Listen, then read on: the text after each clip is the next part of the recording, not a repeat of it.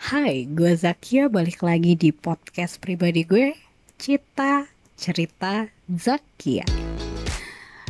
Setelah sekian lama gue tidak membahas lari lagi karena emang udah lama juga nggak bikin podcast karena uring-uringan dan sebagainya. Gue memutuskan untuk melanjutkan cerita pelarian gue. Kali ini gue akan membahas soal salah satu pencapaian terbaik gue selama berlari hampir satu tahun ini yaitu adalah merasakan yang namanya podium naik ke podium. Itu pengalaman yang gak pernah gue bayangin sebelumnya sih. Dan mimpi ke sana pun gue gak pernah sumpah gue tuh nggak tahu apa sih itu podium. Kenapa sih gue harus podium ngejar-ngejar podium? Enggak karena kayak yang lo tahu kalau lo udah ngikutin episode pelarian gue dari satu gue kan baru banget ya lari. Bulan Juli besok pun baru. Setahun gitu. Dan gue merasakan podium itu di akhir tahun lalu. Artinya kayak semester pertama lari gue gue udah bisa yang namanya ngerasain podium. Dan itu adalah di event lari yang namanya Indonesia Night Run 2019 di BSD sebuah event lari yang diselenggarakan saat malam hari. Di event lari tersebut gue mendapatkan kategori 5 km. Kenapa gue bilang mendapatkan? Karena untuk race yang satu ini gue mendapatkan sponsorship dari temen gue yang kebetulan dia bekerja di sebuah lembaga fitness dan menjadi mitra dari penyelenggaraan event tersebut dan kantornya punya jatah slot lari yang lumayan lah gitu. Kayak empat dia ngasih gue empat gitu. Jadi gue satu dan tiga orang teman gue yang lainnya. Gue ngajak tiga temen uh, performance runners gue atau yang kalau di episode sebelumnya gue bilang sebagai elit tim elit gue itu ada Ragil. Ragil adalah salah satu temen lari gue yang positif banget. Dia punya energi yang positif banget gue suka sama optimismenya dia. Dia pekerja keras dia nggak pernah take for granted latihan tuh enggak dia juga rajin. Dan dia rendah hati gitu. Gue seneng gitu sama dia karena uh, dibandingkan gue atau gue melihat teman-teman lari yang lainnya Ragil tuh pelari potensial. Karena kenceng banget larinya. Sekarang aja dia udah bisa pace 4 gila. Itu Ragil. Terus uh, yang kedua gue ngajak uh, teman gue juga tim elit juga namanya Michelle. Michelle juga itu pelari potensial.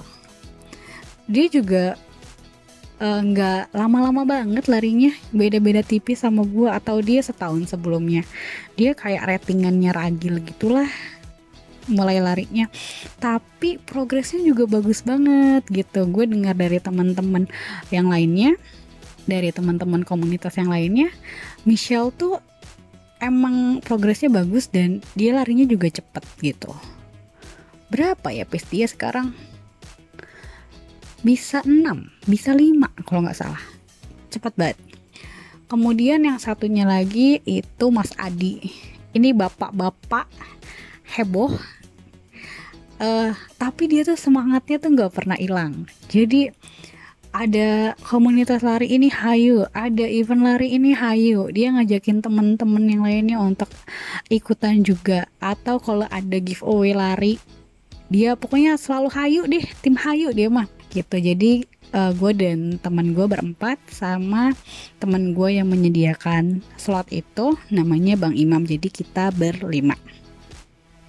Sebenarnya ada kategori lain di situ. Ada 5K ada 10K dan ada HM um, kayak yang gue bilang sebelumnya ya gue kan anaknya sebenarnya nggak mau rugi ya uh, dan gue jarang sekali ambil race untuk kategori 5K karena balik lagi gue kagak mau rugi orangnya gitu kan. Kalau bisa 10K kenapa harus 5 gitu. Tapi sayangnya tidak bisa di upgrade kategorinya jadi ya udah 5K aja. Kala itu gue masih dalam programnya 361 Performance Runner masih dapat program latihan dengan coach Bugi dan sayangnya ya di bulan-bulan itu bulan November artinya udah tinggal dikit lagi tuh programnya selesai. Uh, eh, gue mengalami kondisi mental yang tidak cukup baik. Uring-uringan stres gitu karena merasa gue nggak progresif gitu kan. Dan akhirnya latihan gue jadi agak kacau banyak skipnya dan segala macem. Nah sebelum Indonesia Night Run atau INR ini gue tuh udah kacau aja gitu udah jarang latihan segala macem segala macem. Jarang setoran jadinya gitu gue nggak setoran latihan. Nah biasanya kita gue dan teman-teman elit lainnya kalau ikut race um, ya setorannya PB personal base gitu. Ada perbaikan atau enggak? Dan emang gue sama temen-temen yang lain biasanya ngincernya itu personal base apalagi ragil gitu dengan optimismenya dia gitu dan ambisiusnya dia kalau bisa PB emang atuh gitu. Hayu PB aja gitu. Semangat semangat pokoknya. Dia menyemangati gue. Dan sebelum race itu gue tuh deg-degan deg-degan parah. Karena gue ngutang latihan banyak banget nih. Jadi gue ngerasa gue di race tersebut harus banget maksimal. Jor-joran parah. Biar dapet personal base. Sementara personal base gue untuk kategori race 5 K adalah sekitar 36 menit. Itu adalah race 5K pertama gua. Dan itu bukan race gede itu race gratisan dari pemerintah kecamatan atau kelurahan Tambora. Gitu. Kemudian gue pas latihan pernah dapat personal base di Strava itu sekitar 30 atau 31 menit. Kenceng ya? Itu pace rata-ratanya bisa 6 nah gue jadi deg-degan parah karena itu. Gue ngerasa gue harus bikin 5k yang ini nih 30 menit gitu. Gimana caranya gue harus bikin itu jadi 30 menit? Biar ya udah tuh utang gue uh, orang-orangan latihan tuh kebayar gitu. Gue akan menutup mulut-mulut mereka yang misalnya uh, ada yang ngomongin gue dari belakang gitu karena gue jarang setoran.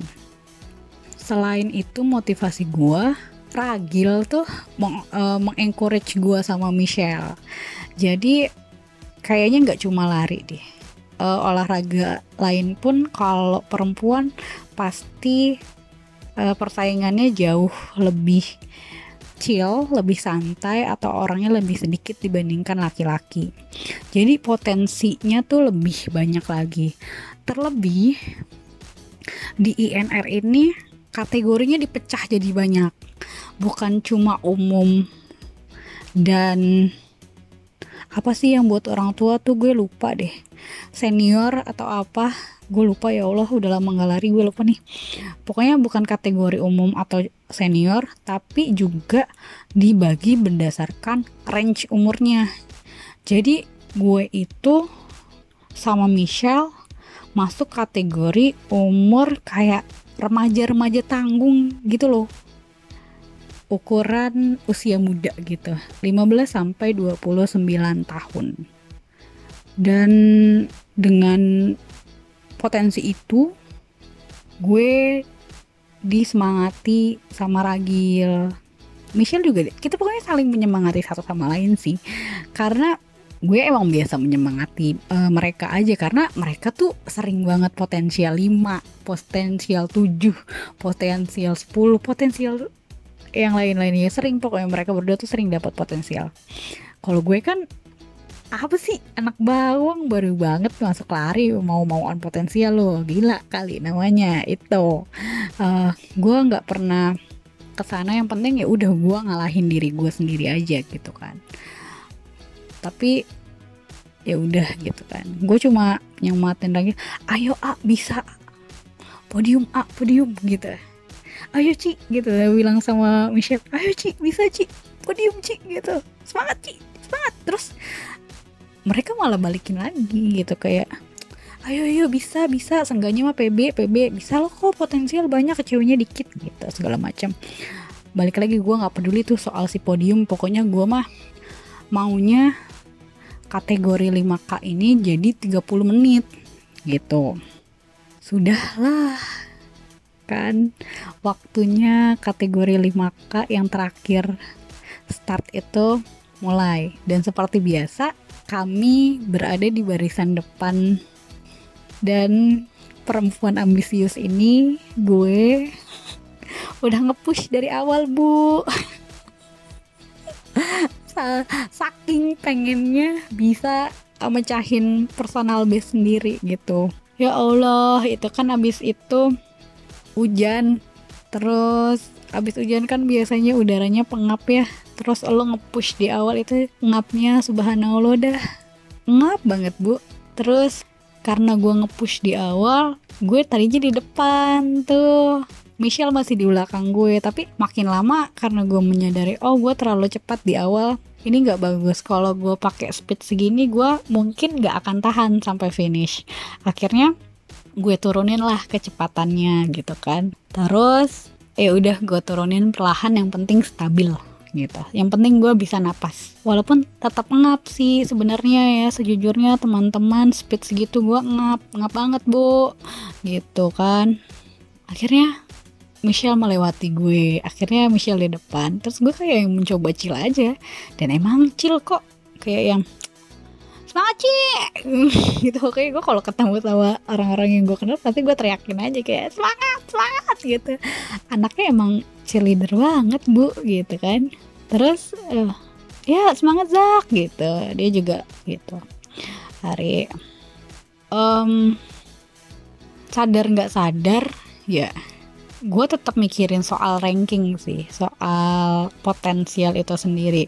Terlepas gue nggak ngarep-ngarep banget dapat podium dengan kalkulasi yang ada di kepala gue dan kategori yang ada gue menargetkan setidaknya gue itu bisa jadi potensial 10 ranking 10 di kategori gue nah setiap ada orang ngelewatin gue itu deg-degannya masya allah insecure insecure. Parah pasti gue langsung nengok laki apa cewek nih? Laki apa cewek nih gitu.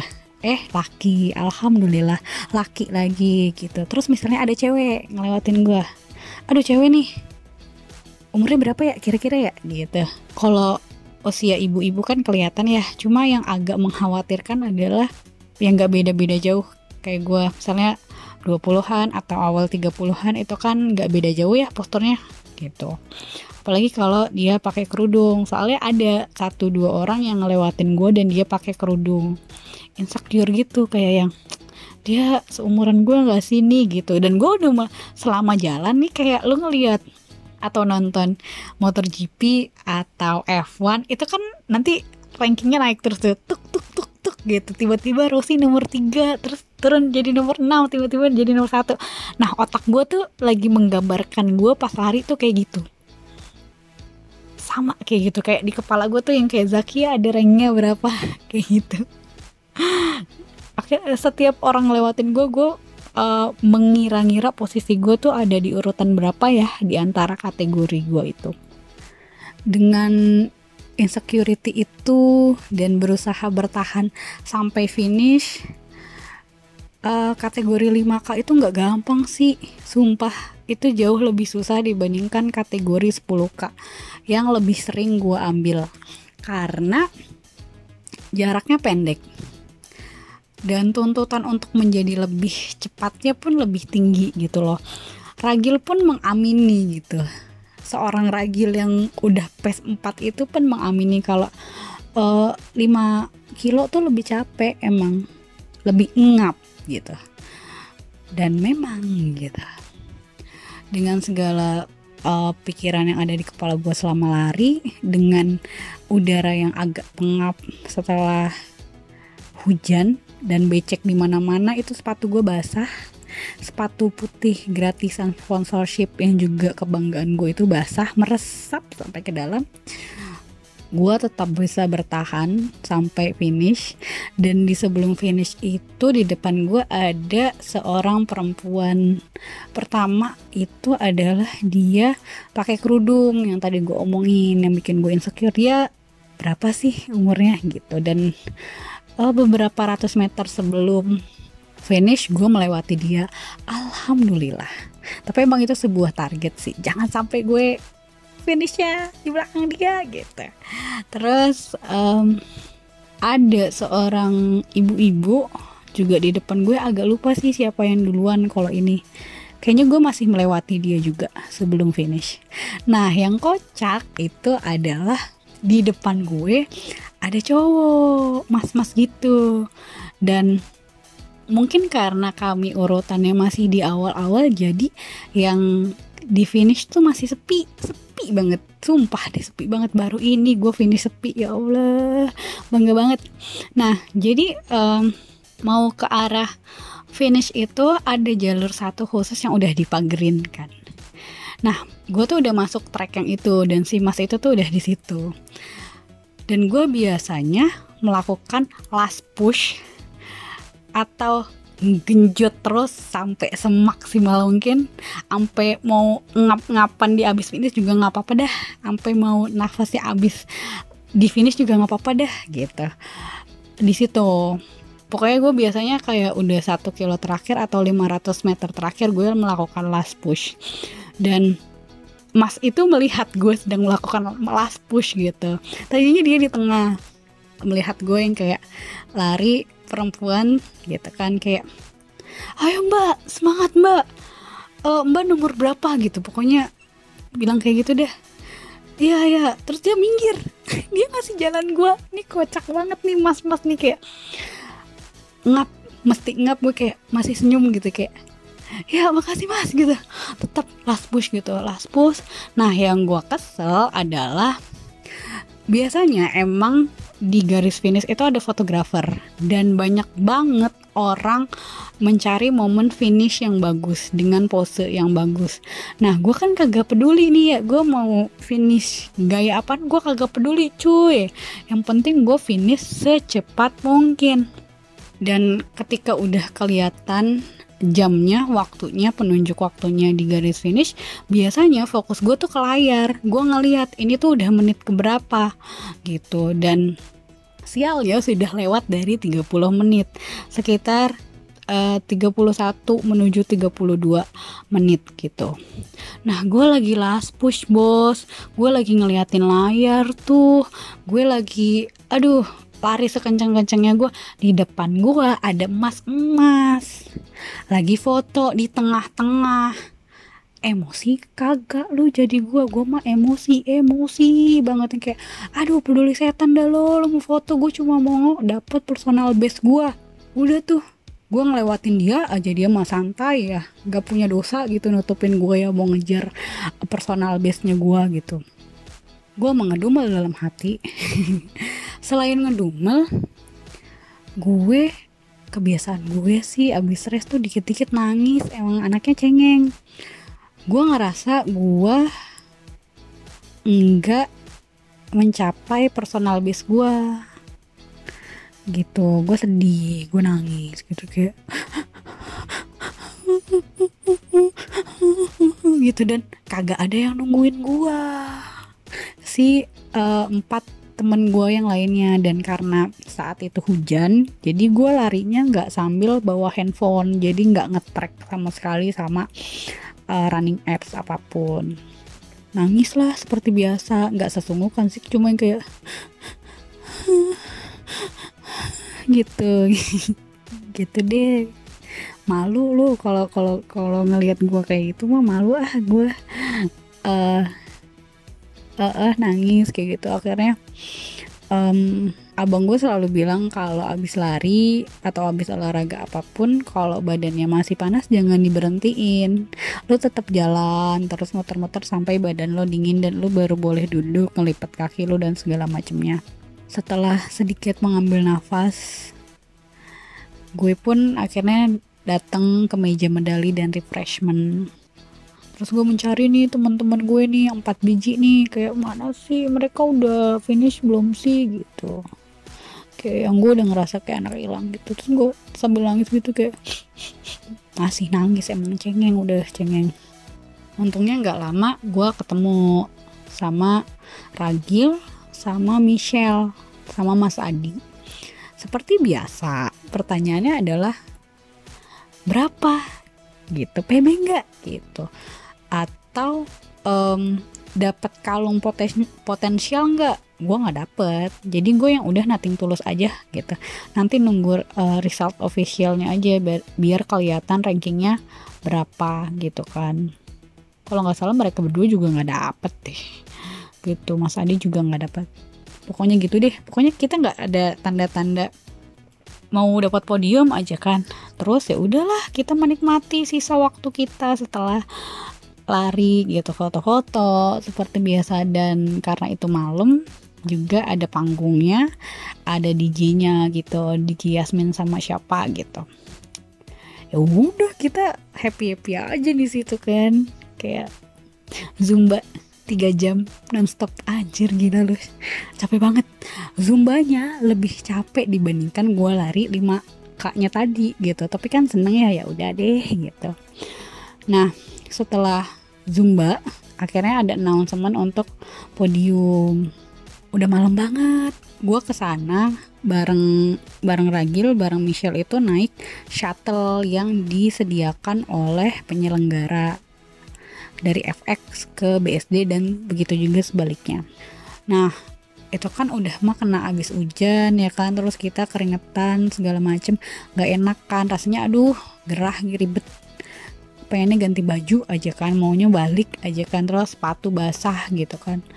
Ya udah setelah uh, hura-hura uh, gue tuh mau ganti baju. Kita semua tuh udah ribet-ribet mau ganti baju mau pulang segala macam nah ketika gue udah emosi nih emosi karena biasa lah gimana sih kalau sama temen-temen tuh kayak yang hayu hayu kagak gerak gitu. Nah kayak gitu gue emosi gitu kayak ah Ella udahlah gue mau ke kamar mandi dulu gitu. Mau ganti baju dulu gitu.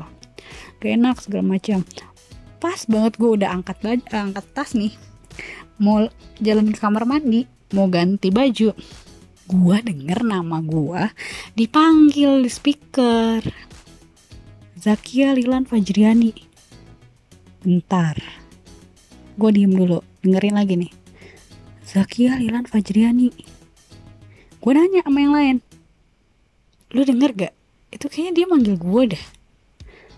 Enggak kali digituin. Enggak kali. Nah gue nggak lama denger juga nih. Terus akhirnya uh, kita semuanya uh, mencoba mendengarkan si uh, speaker itu. Michelle Mulia Wijaya Michelle Mulia Wijaya Shell Shell Shell. Lo dipanggil tuh nama lu gue bilang kayak gitu. Emang iya? Iya. Terus kayak untuk nama-nama yang dipanggil diharapkan untuk naik ke atas panggung.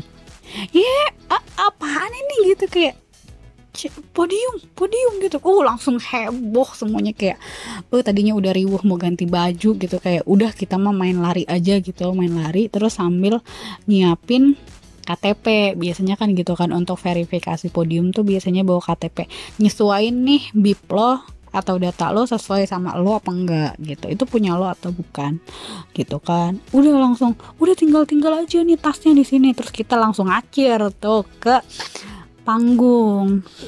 Dan ternyata itu adalah pengumuman podium pertama. Kategori perempuan untuk kategori usia 15 sampai 29 tahun. Ya Allah, itu seneng banget seneng banget. Kayak gue mimpi sesuatu yang gak pernah gue mimpiin. Ya Allah bayangin lah anak baru belum sampai setahun naik podium. Ya Allah itu bangga bangga banget gue kayak yang Ci podium Ci gitu. Terus kayak yang selentingan-selentingan gak enak yang sering kita dengerin dari orang-orang tuh kayak yang akhirnya kejawab loh gitu. Dan Michelle tuh ya Tuhan anak Tuhan kayaknya dia.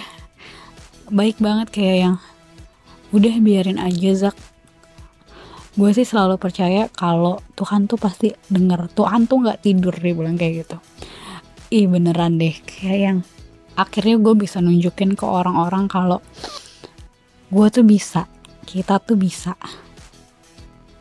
Eh uh, keren banget deh. Terus akhirnya aduh ya Allah itu gue di panggung itu gue cengar cengir aja kayak nyengir kuda aja gitu. Ya Allah seneng banget itu ngelebihin gue wisuda kayaknya uh naik ke atas panggung dikasih hadiahnya si papan dengan nominal tertentu itu dan tote bag yang isinya oli karena sponsornya oli gitu-gitu deh produk oli gitu. Nah um, gue mendapatkan posisi podium nomor 3 Michelle nomor satu. Nah yang nomor 2 nya itu orangnya nggak ada. Gitu. Jadi cuma kita berdua doang yang naik ke podium. Akhirnya ngurus-ngurusin si hadiahnya itu dan bentuknya cek. Jadi langsung ngurusin ke banknya masing-masing bukan ditransfer kayak gitu kan. Enak banget. Gampang banget. Uh, terus eh, kebetulan dengan nominal tersebut gue tuh udah mulai worry soal duit untuk beli slot uh, Pokari Sweat Bandung Marathon. Yang harusnya bulan Juli depan. Karena gue pengen banget birthday run di sana ulang tahun di sana. Karena PSBM itu biasanya dilakukan di minggu terakhir bulan Juli gitu dan ulang tahun gue di tanggal-tanggal segitu. Udah kalau bahas PSBM aku sedih gitu. Udah gue selesai. Gak lama gue dengar lagi nama yang gue kenal juga namanya Kak Yuni Kak Yuni ini naik juga ke atas podium. Dia podium satu kalau nggak salah. Emang dia juga uh, kecil-kecil cabai rawit. Larinya kenceng. Kencang banget. Terus tapi uh, yang menyenangkan dia tuh orangnya nggak sombong humble. Dan dia adalah uh, pacer. Pacer di uh, Volcano Run Merapi kemarin gue HM bulan Maret udah dia kemudian um, pokoknya kita jejeritan aja heboh sendiri gitu. Kayak gimana sih uh, anak lari di komunitas uh, di lingkungan yang sama kayak orang-orang yang biasa lari di GBK terus uh, nama-nama kita tuh naik ke atas panggung gitu. Padahal itu udah sepi coy. Kita cuma kita nariakin sendiri kayak ah gitu. Apa enggak tepuk tangan tepuk tangan kayak gitu. Terus nggak lama Ragil dipanggil Terus ada lagi kenalan lari gue namanya ya Allah kok gue lupa namanya siapa. Ya Allah siapa ya? Ada lagi pokoknya kenalan gue anak LDR long distance runner. Aduh ya Allah kenapa tiba-tiba lupa namanya. Beliau itu pokoknya ini juga eh uh, juara dia mah. Hampir tiap hari latihan pace-nya kencang banget lebih daripada ragil. Gak punya professional coach tapi dia rajin banget. Dan dia biasanya ngambil kategori yang jauh-jauh gitu HM gitu gue sering uh, lihat dia HM gitu dan kagak ada ngap-ngapnya coy kayak gitu. Oh Bang Pandu. Bang Pandu namanya guys. Ya, Bang Pandu naik dipanggil. Terus uh, terakhir nih Mas Adi. Wah Mas Adi dapat juga ternyata. Dan kami berempat kan elit tim elit. Dan empat empatnya dapat podium. Ya Allah itu berkah banget. Itu beneran berkah banget. Kayak yang nih gitu. Hmm kalian yang julit-julitin kita yang jadi tim elit hah rasakan kita tuh udah naik podium semua loh gitu. Kalian julit aja sana di belakang emang pernah ngerasain podium? Gitu sih. Dan di malam itu juga uh, kami langsung ngasih tahu teman-teman elit yang lainnya kayak eh kayak live report gitu. Eh si ini podium lo si ini podium lo ini sih ini podium. Dan akhirnya eh, kalimat-kalimat yang menyelamati kami itu berdatangan banyak banget. Sampai beberapa orang pun update kami di instastory sebuah kebanggaan tersendiri buat gue dan entahlah bisa diulang atau enggak ya karena gue udah lama banget juga nggak lari nih sekarang. Aduh seneng banget. Dan lebih senengnya lagi adalah hari ini INR misalnya besoknya kita tuh ada balke tes terakhir untuk mengevaluasi selama satu semester program lari kita bersama 361 dan di bawah pengamatannya Coach Bugi ini beneran gue tuh jackpot abis sih. Karena kemarinnya gue podium pas di balket tes gue adalah orang yang membuat progres paling banyak. Angkanya gue lupa berapa tapi kenaikan gue itu bisa sekitar 600 meter kalau gak salah. Oh salah bukan 600 meter tapi sekitar 400 meter. Bangga banget sih ya Allah. Akhirnya usaha keras tuh nggak mengkhianati hasil guys. Yang sangat menyenangkan buat gue adalah ini menjadi sebuah pembuktian gue terhadap satu orang yang melihat gue sebagai uh, dengan sebelah mata yang mengunderestimate gue jadi di awal-awal gue masuk 361 gue itu mengikuti sebuah race 5K namanya Tambora Run. Nah, karena gratisan hanya beberapa orang yang mendapatkan medali dan itu hanya untuk 100 orang pertama. Lagi-lagi tujuan gue itu bukan untuk mendapatkan medali, tapi untuk mendapatkan personal base. Dan itu adalah lari 5K gue event lari race pertama gue.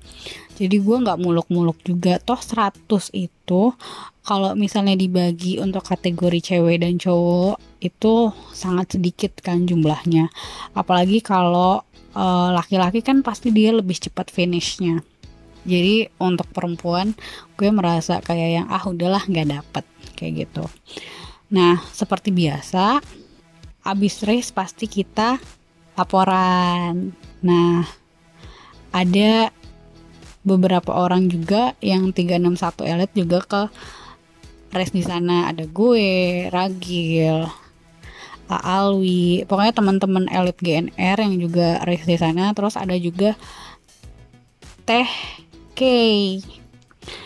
Nah, Teh K itu dapat medali, Michelle dapat medali dan hampir semua teman elit gue dapat medali kecuali gue. Gue doang nih yang nggak dapat agak dapat medali. Nah, gue pas laporan tuh cuma bilang minta maaf aja. Maaf ya nggak dapat medali soalnya emang gue kan lambat. Gue bilang kayak gitu. Gue menyadari aja gitu level gue tuh semana. Kayak yang gue nggak dapat medali karena emang nggak secepat itu gitu Nah, gue tuh laporan duluan baru Teh K. Teh K bilang kalau Teh K dapat medali dan emang Teh K itu larinya juga kenceng. Asal kalian tahu Teh K itu larinya kenceng. Walaupun mukanya maselo gitu, kenceng, mantap larinya. Dia dapat medali. Nah, si mantan gue ini entah sengaja kah atau gimana gue nggak tahu. Tapi gue merasa itu sebuah julid nyinyir salty yang disengaja dan ditujukan untuk gue. Dia congratulate Teh K gitu kayak hebat Teh K dapat medali. Emang lelet nggak dapat medali. Dari situ tuh gue kayak yang benci banget sama orang itu.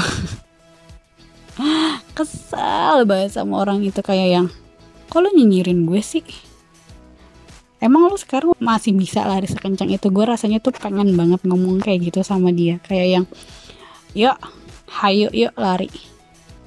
Bareng-bareng yuk. Sekencang apa sih lo? Gitu. Gue gue pernah tahu track record nih mantan gue kayak gimana. Dia pernah secepat apa pun. Gue juga tahu dia udah pernah lari sejauh apa pun di mana pun gue sudah tahu beberapa di antaranya cuma uh, peduli setan ya. Dia dulunya secepat apa dan gimana gue nggak peduli. Gue butuh uh, barometer yang hari ini hari itu lebih tepatnya. Dan di usia dia segitu di kala itu dia punya problem tersendiri dengan diri dia dan tubuh dia yang menyebabkan dia nggak bisa lari-lari amat nggak bisa kencang-kencang amat larinya. Jadi ya udah gitu. Speednya akan segitu aja dan dia punya struggle tersendiri. Cuma gue nggak suka aja gitu sama mulut nyinyirnya itu. Kenapa sih harus nyinyir gitu loh? Dan di akhir masa program training itu gue membuk membuktikan siapa diri gue. Gue bisa apa gue bisa semana yang benar-benar ya Allah gue tuh nggak pernah ngebayangin diri gue tuh ternyata gue tuh bisa segitu. Gue tuh bisa karena selama program training pun ada yang namanya uh, latihan menu tempo. Temporan itu adalah lari di mana lo uh, dikasih pace tertentu dan lo diwajibkan untuk lari dengan kecepatan itu maksimal 10 detik di atasnya atau minimal 10 detik di bawahnya. Kayak gitu. 10 detik lebih cepat atau 10 detik lebih lambat. Dan seingat gua tempo temporan gua itu pace-nya biasanya 645 itu udah paling cepet. 630 itu gua udah ngap udah nggak kuat. Gitu. Karena temporannya itu bukan cuma 5 bisa sampai 10 gitu 10 kilo. Coach Bugi tuh sering bilang kayak sebenarnya tuh bisa loh Zak kalau mau dipaksain dikit lagi aja bisa. Cuma kan kadang uh, itu bukan cuma masalah fisik ya tapi mental gitu. Gue ngerasa kayak gue masih anak bawang gue masih baru nggak seharusnya gue secepat itu. Bukannya gue nggak bisa untuk lari dengan pace 6 gue beberapa kali pernah pakai pace 6 pas latihan cuma emang capek banget dan nggak bisa jarak jauh gitu. Paling 2-3 kilo dan itu udah kayak pengen muntah-muntah rasanya jadi gue nggak berani untuk uh, pakai pace cepat-cepat kayak gitu kan. Dan bangga coach Bugi juga ngelihatnya bangga banget. Jadi di hari tes itu semua orang mengcongratulate gue mengapresiasi pencapaian gue saat itu. Dan uh, biasa gitu kan. Karena kita berprestasi akhirnya kita disuruh speech lah kayak gitu. Karena coach Bugi merasa itu adalah sebuah penutupan yang bagus. Program lari kita ditutup dengan kita bisa podium. Dan bukan cuma satu orang tapi langsung brek empat orang. Artinya kebukti gitu kualitas kita semua itu bagus gitu. Dan balik lagi gue tuh masih minder saat itu. Gue ngerasa bukan siapa-siapa dan coach Bugi bilang kayak gini sama gue nah Kanzak tahu rasanya podium tuh kayak gitu. Dia kan emang orangnya suka bercandaan gitu ya. Jadi uh, seriusnya juga berbalut bercanda coach Bugi tuh tapi gue tahu pesannya apa. Dan uh, pesan dia yang lainnya bukan cuma buat gue tapi buat teman-teman yang lain adalah ini tuh bukan soal potensial atau enggak kata dia gitu. Ini bukan soal rezeki atau enggak. Tapi karena kita latihan kita tuh sel selalu siap setiap saat. Dan terbukti orang kaya gua yang gak punya track record dapat podium bisa podium malam hari itu. Dan ya Allah gua tuh ngerasa di encourage banget sama coach Bugi dengan omongan dia kayak gitu. Karena dengan pencapaian uh, 5 km durasi 32 menit 25 detik itu nggak cepet-cepet banget sebenarnya. Dibilang hoki iya gitu. Banyak banget teman-teman yang lain bilang kayak ih coba ya gue ikut race di situ. Kayak gitu. Pasti gue juga naik podium mereka pada bilang kayak gitu. Uh, gue nggak tahu ya maksudnya itu gimana. Cuma uh, itu agak berasa sih buat gue kayak yang oh gitu ya. Gitu. Jadi kalau dibilang hoki mah iya hoki ya. Tapi uh, balik lagi omongannya coach Bugi juga nggak salah gitu dan itu bikin gue percaya diri juga sih. Akhirnya kayak jangan pernah nganggep enteng yang namanya latihan konsistensi target kayak gitu. Dan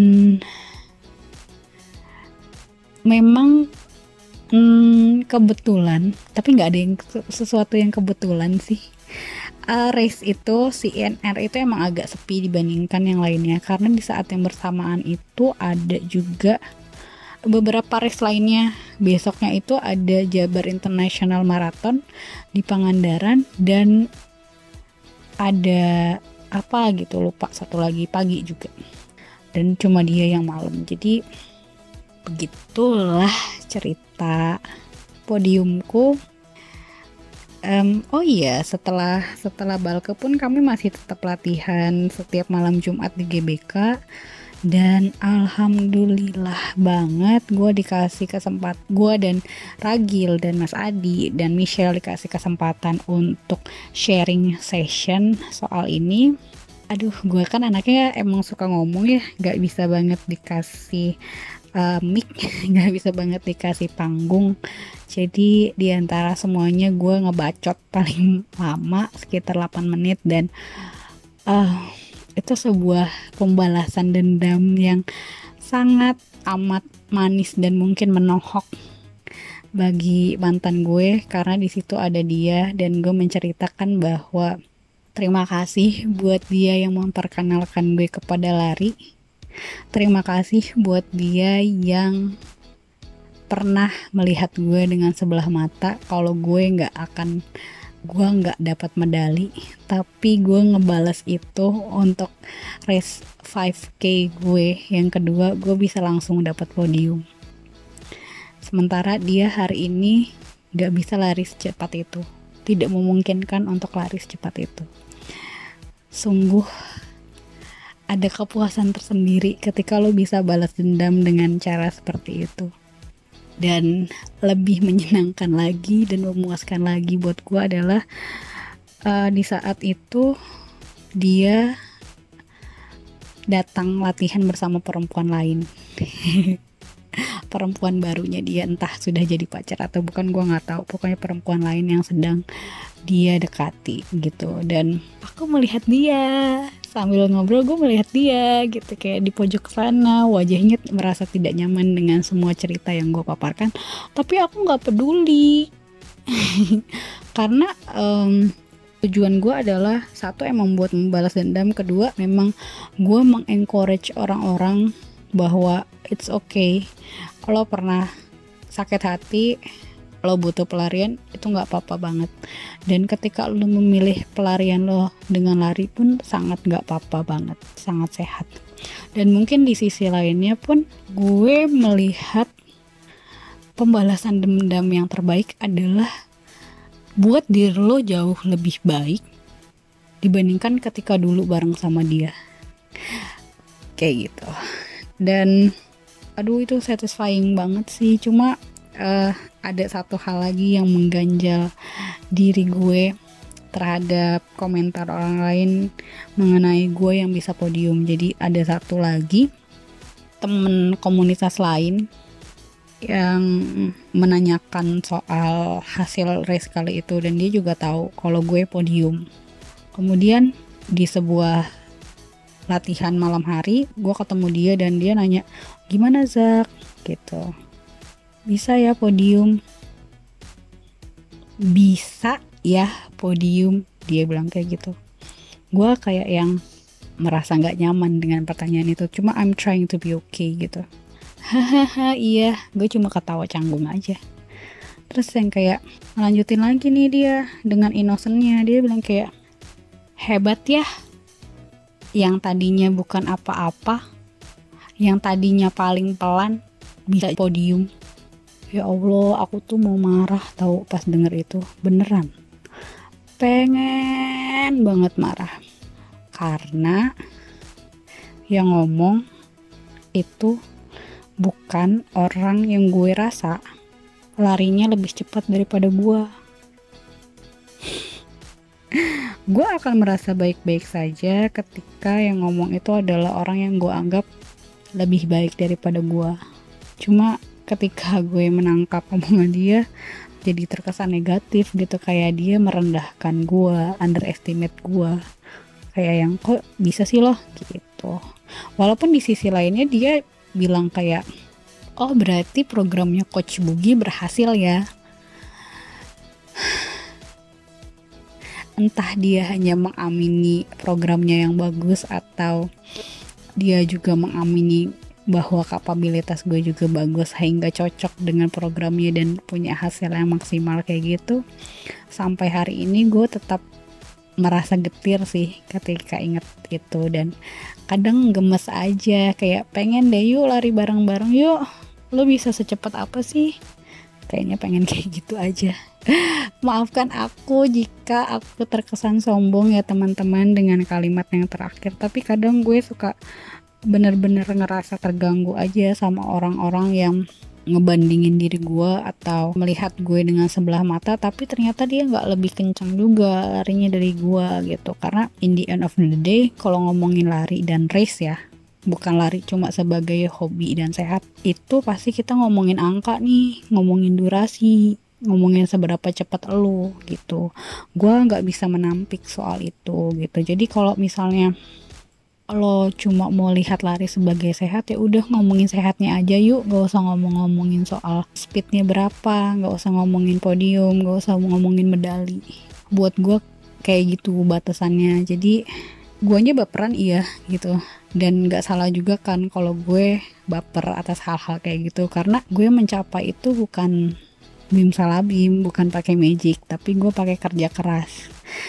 Dan sering loh gue latihan sambil nangis-nangis tuh gue sering.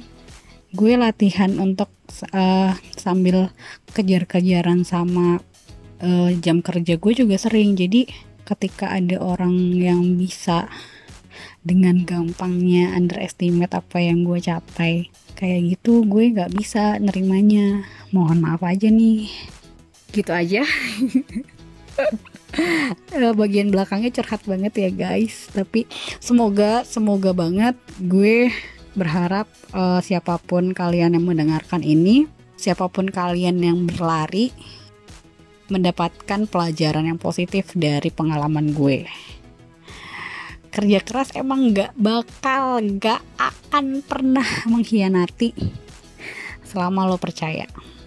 Dan gue berharap buat teman-teman yang lain pun bisa menghargai setiap effort yang diusahakan oleh orang lain dan perjuangannya mereka, perjalanannya mereka. Karena lo nggak pernah tahu apa yang mereka rasain. Jangan pernah sekalipun untuk underestimate atau ngegampangin pencapaian seseorang. Gitu aja. Semoga kita semakin bersemangat untuk lari lagi. Gue sih karena udah lama banget nggak lari. Um, dan udah nggak puasa lagi kan jadi nggak ada alasan buat males-malesan. Udah mulai new normal juga semoga kita bisa balik lagi ke GBK secepatnya gitu. Semoga gue bulan depan bisa birthday untuk 24 kilo seperti rencana gue dulu dan meski harus mulai dari awal lagi semoga tetap bisa walaupun pace-nya berapapun kayaknya nggak penting yang penting bisa gitu aja semoga kalian mendapatkan manfaat dari podcast hari ini sekian pelarian episode 3 dari gue sampai bertemu di podcast pribadi gue Cita Cerita Zakia berikutnya. Bye bye.